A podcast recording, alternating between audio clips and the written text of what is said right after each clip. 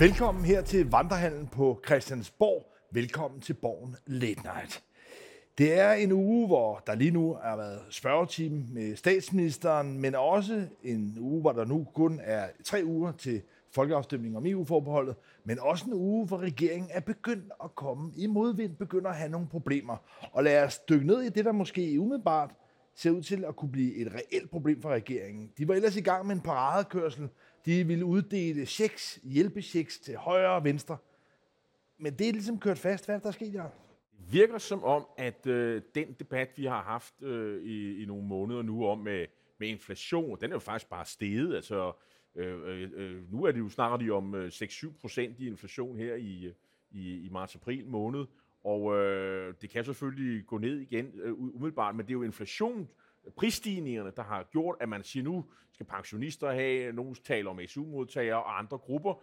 Øh, det er ligesom det, der er affødt, og det har ligesom været øh, noget, som, hvor, hvor, hvor regeringen ligesom har haft noget medvind, kan man sige.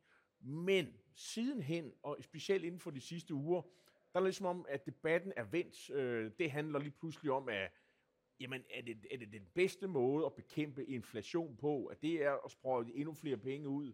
Øh, burde man ikke sådan fare med lempe? Og regeringen er også blevet meget forsigtig. Men de har jo kommet med et forslag, der siger, at de ældre, nogle af de ældre skal have, øh, og så, så vil man ikke redde alle mulige andre. Men så, så beder man jo sådan set øh, de andre partier om at tage hensyn til det, øh, og, og, og, og, og, og de vil jo sige, jamen, hov, vi har jo også krav og så videre, og overordnet er der jo en, et hensyn til dansk økonomi. Og der kan man jo se, også i spørgetimen i dag, at der var faktisk nogle partier, som begynder at spørge ind til det. De radikale venstre, og det vil, vil mærke. Og det, det er det afgørende her, fordi en ting er, at der er partier, der har forskellige argumenter og henviser til forskellige beregninger. Det er sådan set helt almindeligt.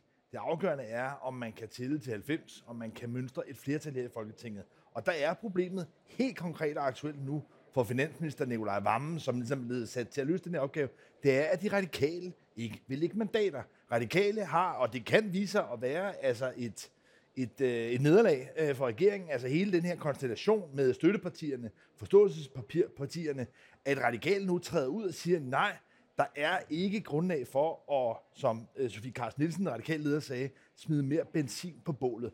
Og det er jo det, der ligesom gør, en ting er, at der kan være borgerlige partier, der er imod, det afgørende her er, at de radikale nu siger, vi er ikke en del af flertallet bag det her. Og, og, og man har jo tidligere sagt, at vi, vi kan sådan øh, lige lidt på budgetloven, og, som jo er stram og så videre, og som sørger for, at, øh, at der er, øh, at dansk økonomi er, er, er i topform og, og så videre, at man ikke sådan øh, øh bare sprænger banken, så, så at sige, og så bruger, bare, øh, bruger løs. Nemlig, men at der er en, en, en sammenhæng mellem indtægter og udgifter øh, på det offentlige budget og så videre.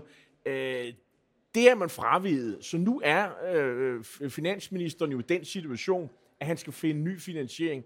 Og det som... Øh, og det betyder, det begynder jo allerede nu at sige, okay, nu skal vi altså ikke ud og bruge flere penge. Vi bliver nødt til at finde budgetten, øh, pengene ind på et, øh, vores budget nu, øh, eller til næste år er det jo selvfølgelig, eller vi kan hæve skatterne. SF har jo sagt, at vi kan jo, vi kan, vi kan komme med en solidaritetsskat. Så har man jo fundet pengene, øh, så har man så, så godt nok gået ud til skal man sige, private borgere, og så taget pengene i, og suget dem op til en solidaritetsskat. Det er jo en mulighed. Øh, men det, som øh, varmen lægger op til, det er, jamen, så kan vi jo gå ud til kommuner og regioner. Og sjovt nok er der jo sådan set forhandlinger allerede nu øh, om næste års budgetter, og så kan man gå ud og sige, jamen, øh, I kan spare lidt på konsulenter, og der er måske nogle byggeprojekter, I, I kan lige skyde et år, øh, og så videre. Så, øh, så har vi penge til det, så, så, så er der øh, holdbarhed på, på de offentlige finanser. Det er sådan set det, der er en, en, en mulighed for. Og så har han jo så gjort det, at han siger, jo, skal vi jo også kigge på den grønne skattereform. Det ligger jo allerede i kortene. Der er sådan en teknisk gennemgang, men ikke rigtig startet i forhandlingerne. Og så har han skubbet det over og siger, jamen, når vi nu sidder der og snakker økonomi øh, på den lange bane, så kan vi også lige klare det her med, at vi skal lige finde nogle penge til, til pensionisterne.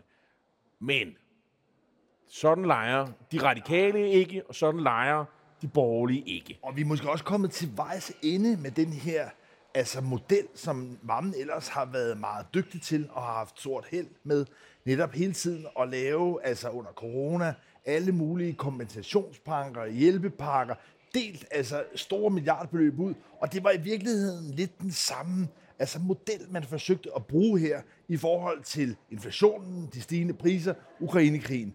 Og det ser altså ud til, at de andre partier, altså de radikale, ikke længere er med på den her coronamodel, om man vil, med bare at dele flere penge ud. Og det gør altså, at regeringen nu begynder at løbe ind i nogle problemer, hvor det der i virkeligheden var et løfte for ikke så lang tid siden fra statsminister Mette Frederiksen om, at pensionister, særligt de fattige pensionister, skulle kompenseres. Ja, det er altså ikke sikkert, at man kan levere det, og som du er inde på her, ja, så fordi man selv har valgt at vikle det sammen også med en grøn skattereform, så kan der altså også være nogle af de andre store projekter, man i virkeligheden havde lagt op til før valget, at man heller ikke rigtig kan komme i mål med det, fordi at man simpelthen har bundet måske for mange og for komplicerede ting sammen. Så øh, da jeg talte med en central ordfører, så sagde vedkommende, at, øh, at de faktisk ikke regnede med, at øh, den grønne skattereform kunne vedtages på den her side af, af, af, af et folketingsvalg. Noget pessimistisk øh, som sige, vurdering, men ikke desto mindre, det er sådan øh, vurdering lige her nu. Det kan, det kan selvfølgelig godt være, at jeg bliver spundet nu, og nu bare videreføre sådan et spin, sådan så jeg nu lægger, er med til at lægge pres på regeringen, for de kan komme øh, de, de radikale og de borgerlige i, i møde. Det kan sagtens være, men ikke desto mindre, så er, er, er der i hvert fald sket noget øh, siden sidst.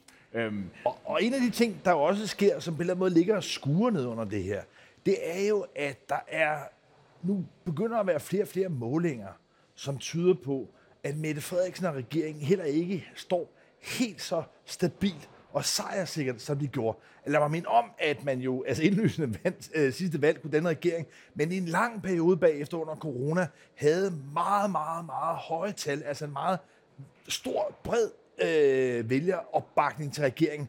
Og den er altså ikke alene klinget af, men blokkene er også nu begyndt at udligne sig. Og det betyder jo, altså i psykologien herinde, at de borgerlige partier, men altså også de radikale, som stadigvæk ser for sig at kunne få en nøglerolle, at de begynder at navigere en lille smule mere og presse regeringen noget mere. Vi skal selvfølgelig gøre, hvad vi kan for at skabe lidt spænding i dansk politik, fordi der har faktisk ikke været særlig meget spænding om øh, mellem blokkene, fordi der har de, øh, som sige, Rød Blok jo ført markant. Jeg har kun set enkelte målinger i, øh, i, i det sene efterår, der viste øh, et par målinger, tror jeg, jeg så øh, et blot flertal, og det var jo før de nordatlantiske blev talt med. Øh, der er vi faktisk ikke engang endnu, men der er kommet en Gallup-måling, som, som viser noget lidt tættere løb, kan man sige. Men stadigvæk er det jo sådan, at øh, normalt plejer det at være sådan, at, at regeringer, øh, de er i defensiven, de er altid, øh, skal man sige, ofte, ligger ofte under i forhold til oppositionen. Det gør de altså ikke på nuværende tidspunkt. De er stadigvæk øh, øh, foran, men ikke så klar foran som før. Og øh, det skaber selvfølgelig nogle for, forhåbninger, men hvis man så kigger på tallene, Lars, øh, så, og, og, og hvis man skal så nu være meget flink over for de blå, så skal vi jo nok øh, hvad skal man sige, have målbånden frem, og vi skal håbe på, at der er en masse småpartier, øh, der ikke kommer ind. Øh, og lige i øjeblikket er et parti som Moderaterne øh, inde, men ikke markant øh, i alle målinger. De er selvfølgelig inde, men, men det er sådan noget 2,1 procent, 3 procent. Så har vi et andet parti, som også har været lidt centralt i den her uge, nemlig kristendemokraterne. De ligger som regel under øh, spærgrænsen. jeg nu vil jeg så prøve måske at være lidt mindre venlig over for Blå Blok. Og du har fuldstændig ret i, at hvis det skulle lykkes, lige til øllet.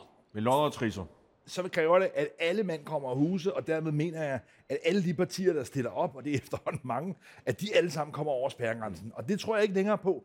Efter Jens Rode nu har meldt ud, at han forlader kristendemokraterne, så tror jeg, at kristendemokraterne må se ind i, at det som sidste gang og sidste gang igen, de klarer ikke spærregrænsen. Men, men, så, så, så, så, hvis, vi lige, hvis vi lige bare skubber dem ud, så alene den årsag, alene den årsag, ja, så ser det altså umuligt ud for Blå Blok. Men hvis du oven i det lægger, at et Dansk Folkeparti med Morten Messersmith i spidsen, ja, som stadigvæk ligger og rumsterer nede med dårlige målinger. EU-valgkampagnen har ikke endnu, kan man sige, løftet dem op. Søren Pape ser også ud til ikke længere og helt... Du mener, han har top? ja, det mener jeg absolut, han har. Og han begynder i stigende grad at have vanskeligheder ved i virkeligheden at kunne svare for sig, kunne angribe. Så på den måde synes jeg bare, at vi ser en lang række svaghedstegn. Så, så, så de der elementer, der ligesom skulle løfte det, det sidste stykke, ja, de er enten væk eller for nedadgående. Så blå blok, som tingene tegner lige nu, synes jeg ser ud til at have rigtig, rigtig svært ved at kunne vinde lige de der måske 100.000, 200.000 ekstra vælgere, der ligesom skubber balancen. Det ser det ikke ud til. Det skulle så lige være bekymringen for dansk økonomi. Altså det, at man øh, øh er, har fokus på dansk økonomi og er øh, blokken samlet set kunne fremstå som, at de er, øh, leverer et, et mere økonomisk ansvarligt alternativ end Socialdemokrater og SF, som øh, hellere vil øh, beskatte befolkningen og bruge endnu flere penge, end der er i kassen. Det er i hvert fald det, der sådan ofte er de borgerlige skræmmebillede. Men der må man bare se, at statsministeren også i dag i spørgetiden gør, hvad hun kan for at sige, jamen hun er sandelig også bekymret, og det er kun folkepensionisterne, der skal have. Det er ikke alle mulige andre.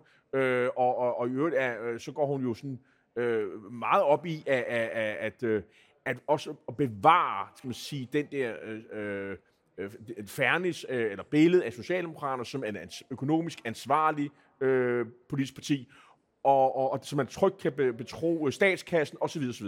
Men før jeg overleder ordet til dig, så vil jeg sådan set godt lige øh, øh, øh, blive omkring, eller anholde det, du sagde om, øh, om, øh, om kristendemokraterne. Jeg, jeg er ikke sikker på, at det har haft nogen betydning, at Jens Rode nu har meddelt, at han ikke genopstiller, og, og dermed så ikke stiller op for kristendemokraterne næste gang. Fordi jeg synes ikke, der er noget i, målingerne i meget lang tid, der har vist, at de har været over, så at han har været på holdet, eller øh, af holdet, øh, men det har ikke haft en stor betydning. Øh, jeg tror ikke, at de vælgere, som øh, han, har, han har fået tale, er, har været tiltrukket af kristendemokraternes projekt, øh, fordi det simpelthen for, i deres øjne er simpelthen for fremmed. Øh, så om han, om han er stillet op eller ej, jeg tror ikke, har haft en stor effekt, faktisk. Men, men, men okay, under andre omstændigheder, så er der jo ikke noget, der tyder på, at deres mulighed for at komme i Folketinget for at klare spærregrænsen er stedet. Så det vil sige, at der er et stemmespil her. Det kunne måske være, at der måske var nogen, der havde gået væk fra kristendemokraterne på grund af Jens Rode, kunne komme tilbage igen. Men det, nu tror jeg, vi er nede i marginalerne, ja. så det, det tør jeg slet ikke spå om. Så, så, hvis vi dykker ned nu i den her, kan man sige, grunddagsorden, du taler om i forhold til økonomisk ansvarlighed, som helt oplagt er blevet mere aktuel i den situation, hvor folk simpelthen har svært ved at få enderne til at mødes, så er de blå partier jo op imod den sådan ret grundlæggende udfordring, at dansk økonomi mål på nøgletallene er meget robust og har klaret sig godt. Altså beskæftigelsen er... Som et, statsministeren nævnt flere gange i dag. Og, altså, og, det, og det, der var det sjove, det var jo det, hun siger, at væksten sidste år,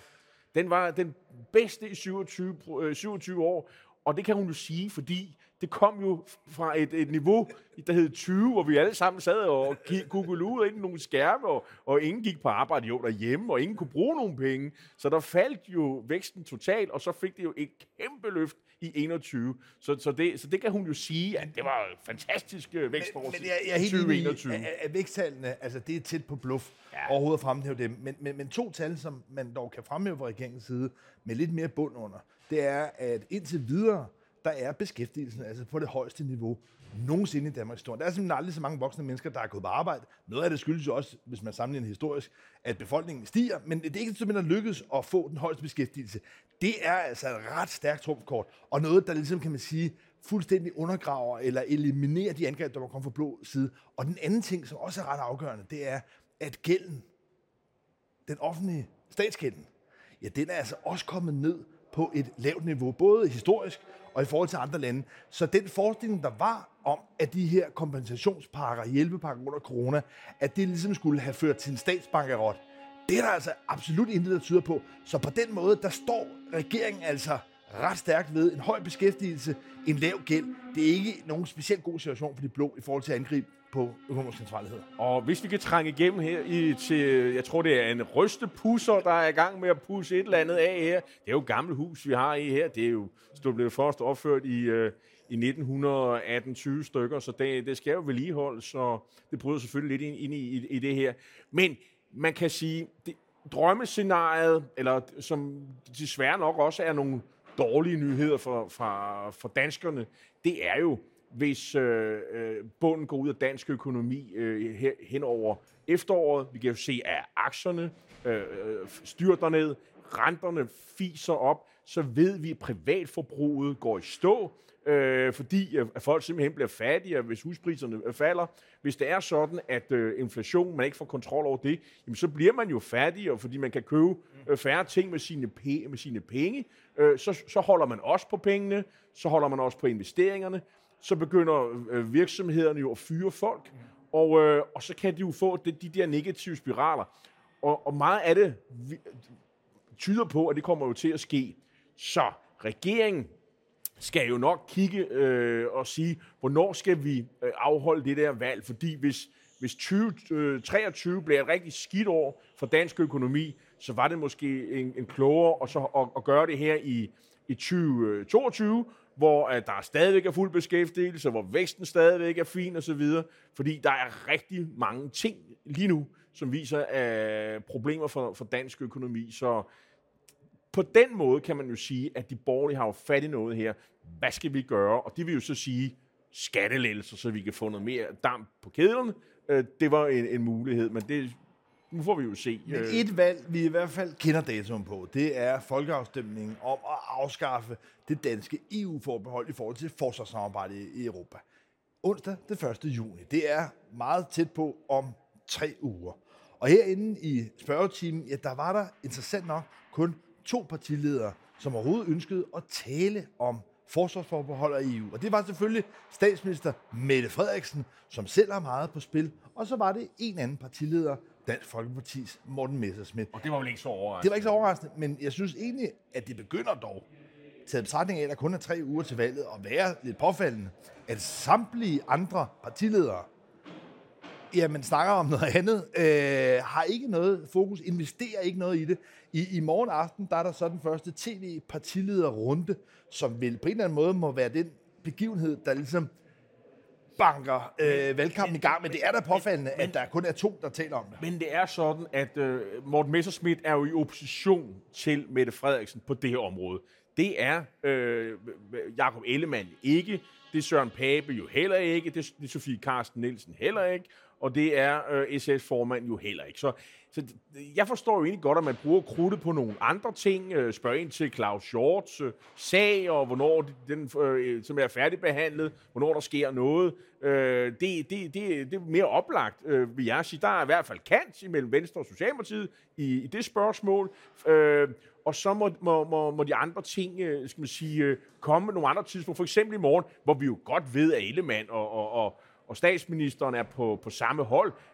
Jeg, kan, jeg ved jo i hvert fald, at, at, at der, hvor som man sige, øh, øh, kampen øh, går øh, omkring øh, øh, folkeafstemningen, jamen, det er jo på diverse møder. Jeg skal selv deltage i et møde med Ellemann i Aarhus på torsdag, øh, øh, sammen med Torben Steno blandt andet, så, så, så kampagnerne er jo i gang. Men, men jeg, jeg synes bare, det er en, en, en lidt pudsig opfattelse at sige, at de er på samme hold. For det, der er realiteten, som vi også har set med tidligere EU-valgkamp, det er, at den danske befolkning er opdelt i alle mulige forskellige temperamenter og holdninger. Og det øh, argument, der kan overbevise dig, ja, det vil typisk, og kan jeg godt garantere at være lidt andet argument, end det, der kan overbevise mig. Sikkert. Så det er jo ikke et spørgsmål om, at Mette Frederiksen og Jakob Ellemann skal ud sammen og kæmpe. Nej, det er et spørgsmål om, kan man sige, at de skal ud og appellere til deres egne vælgere, til forskellige vælgere, med nogle forskellige men, argumenter. Men, og men, gør men, de ikke Mette det? Frederiksen ville gerne have haft et, øh, et, et spørgsmål for Jakob Ellemann om det her, men uh, Jakob Ellemanns dagsorden er jo at være i opposition, og, og det, vi nærmer os valget, så det vil han hellere bruge krudtet på. Det ja, synes jeg ikke er mærkeligt. Nej, det synes jeg heller ikke er mærkeligt, men, men, men man kan sige, så skal Jakob Ellemann og andre i hvert fald heller ikke komme og brokse hvis det skulle blive nej, eller det modsatte af, hvad de ønsker. Fordi det er klart, at partierne må nødvendigvis investere også noget politisk kapital, og dermed mener jeg, altså sætte noget på spil, hvis de rent faktisk vil drive enten et ja men, eller nej igennem. Men Lars, øh, vi når jo ikke at sende så mange gange, inden øh, at det her, den her folkeafstemning øh, finder sted 1. juni. Og, øh, og nu er der er forskellige meningsmålinger, og vi kan ligesom se, hvad partierne vil køre med. Valgplakaterne er kommet op. Så, hånden på kogepladen. Bliver det et ja den 1. juni, eller bliver det et nej til at afskaffe øh, forsvarsforbehold? Altså, jeg vil sige, også jo belært af de tidligere folkeafstemninger, vi har haft, at det nok bevæger sig i retning af et lille knepen nej. Både fordi valgdeltagelsen ser ud til at være lille, og fordi at hverken Jakob Ellemann, eller Søren Pape, eller Pia Olsen Dyr overhovedet rigtig gider at føre kampagne, investere noget i det, sætte noget på spil. Så derfor, og det er jo, forstår jeg godt, hvis man så på nogle af de tidligere nejer, der har været, at tilbage i det, vi har haft de andre øh, forbeholdsafstemninger i 2000, der var det på Nyrups svanesang, om man vil. Der blev det nej til, til at afskaffe euroforbeholdet. Kort efter, ja, der knækkede øh, altså Poul Nyrup som statsminister. Så havde vi tilbage i 2015, hvor Lars Lykke ganske vist lige var blevet statsminister. Men jeg skal hilse at sige, at efter det blev et, et nej til at afskaffe retsforbeholdet, eller omdanne det der, der blev det også sværere for øh, Lars Løkke. Han måtte omdanne sin regering. Så, så, så, så de her folkeafstemninger har været noget, der ligesom har øh, kørt mange statsministers politiske projekt lidt af sporet. Og jeg kan godt forstå, at der kan sidde borgerlige politikere nu og tænke, jamen hvis vi bare altså, øh, dukker hovedet, hvis vi lader være med at snakke om det her, så kunne det jo være, at øh, Mette Frederiksen kunne rense sig nogle staver i livet og få et nej, og på den måde blive øh, kompromitteret af det. Sådan virker det på mig, og det er klart, at i en situation, hvor de borgerlige og de andre i ja-partier ikke rigtig har tænkt sig at trække det her, men i virkeligheden håber lidt på, næsten, sådan tolker jeg det, at Mette Frederiksen på en eller anden måde kunne, kunne få nogle riser i lakken ved at skulle stå til ansvar for et nej, ja, der sætter man i virkeligheden på det. Og derfor, ja, der tror jeg, at det kunne blive et lille nej. Jeg, jeg, jeg, jeg ser slet ikke, at der er nogen, der sådan satser på et øh, nej og, og, og vil øh, give øh, statsministeren en skramme lang. Slet ikke Jacob Ellemann, som jeg opfatter som, som en, der virkelig brænder for det europæiske projekt, og specielt for det her, den her afskaffelse af forsvarsforbeholdet. Øh, jeg, jeg tror på, at det bliver et ja. Det bliver ikke, jo ikke noget kæmpe ja, det ved vi allerede nu. Øh, og, og det bliver sikkert også ja, du må gerne være med. snævere. Har du, har du budskab til... Det bliver sikkert også snævere, end, øh, end, end meningsmålingerne viser nu. Men jeg synes bare, man kan se øh, på tidligere øh, afstemninger, at, at man har set målinger, der har været vist øh, tættere løb, og du har set nogle målinger vise et, øh, et nej. Og, og jeg synes ikke, at vi har været der. Tværtimod, så har alle målinger vist et, øh, et ja hele vejen igennem. Det, det, det kan sagtens øh, pludselig ske, men jeg har svært, at, at det vil ændre sig. Men jeg, jeg, jeg har svært ved at se, hvad det skulle være for en sag. Så kan man jo hive alle mulige udtalelser og forslag, som kommissionsformanden kommer med, og Macron og så videre. Og så kan man puste dem op og sige, uha, der sker en hel masse. Det havde vi jo også i dag, hvor Messerschmidt forsøger at sige, jamen, øh, Ursula von der Leyen, hun mener pludselig, at vi skal afskaffe øh, flertalsafgørelser, og, og det blev skudt ned med statsministeren med det samme og sige, ja, vi er 10-11 lande, der allerede har sagt, det kunne glemme alt om.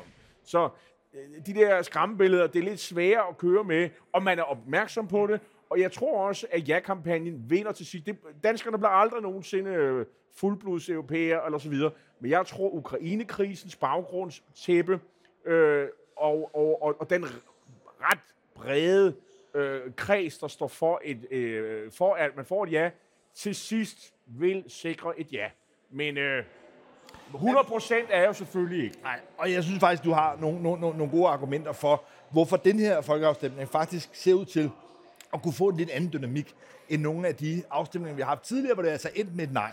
Så jeg baserer mig lidt på, at jeg kigger lidt mere bagud og siger, okay, men altså, der viser sig et mønster. Det er meget tæt.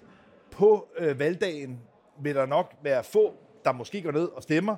Nogle af dem, der vil blive mobiliseret, nogle af dem, der går ned, det er nogle af dem, der er øh, det, og det er typisk dem, der er imod. Øh, det vil sige dem, der stemmer nej, men det kan være lidt sværere med folk, der er sådan lidt uldne og tænker, ja, bum bum. Øh, så det, det er grundlæggende det, der gør, at jeg ser, hvis der ikke er en større begejstring, hvis der ikke er en større vilje til rent faktisk at drive det her ja frem, så synes jeg, det ser svært ud. Men altså, man kan jo allerede brevstemme nu, hvis man har lyst til det, så man kan få stemme, øh, stemmeprocenten op Øh, jeg tror, at øh, det er de... Øh, jeg tror, for at det skal blive et nej, så skal du have stemmeprocenten op. Øh, du skal have nogle af dem, der øh, er sure og vrede over alt muligt, og de skal have en eller anden årsag til at gå hen og rejse sig fra sofaen og gå hen og stemme imod det her. Øh, og jeg tror ikke på, at Morten Messersmiths person øh, er nok til, at folk rejser sig fra sofaen. Jeg tror faktisk, at Morten Messersmith øh, er, er, er, er noget, der faktisk øh, hjælper ja-kampagnen, fordi han har en masse lige lasten, hans personlige troværdighed hænger i laser. Havde man haft nogle andre personligheder, som en Tulsendal, eller man havde, så, så havde, jo, men jeg synes ikke, man, de får ikke så meget opmærksomhed. Det er heller ikke Tulsendal, der skal være med i partilederrunden. Så kan man også diskutere sådan en partilederrunde. Den har nok haft en, en større effekt i 80'erne og 90'erne, hvor der jo ikke var andet i tv end at se partilederrunde mange af de mennesker, der, der, øh, der følger med øh, i, i politik, øh, sådan noget sådan, vi skal nok se det, men der er masser af andre, som siger, hvad er der i fodbold? Hvad er der, er der fodbold i tv? Øh, badminton? Er der, øh, er der Barnaby? Øh, hvad, hvad der, og, ellers, og ellers er der Netflix og andre alternativer. Jeg vil sige, hvis øh, EU-valgkampen taber til badminton, så siger det, begynder det se sort ud for politik. Det håber jeg ikke er øh, tilfældet, men det var, hvad vi havde valgt at bringe i dag, hvor vi jo havde så også et kortvarigt gæststar i form af statsminister Mette Frederiksen, der øh, kortvarigt, jeg vil ikke sige blandede sig, men i hvert fald øh, lige kiggede forbi kameraet. Tak fordi du så med.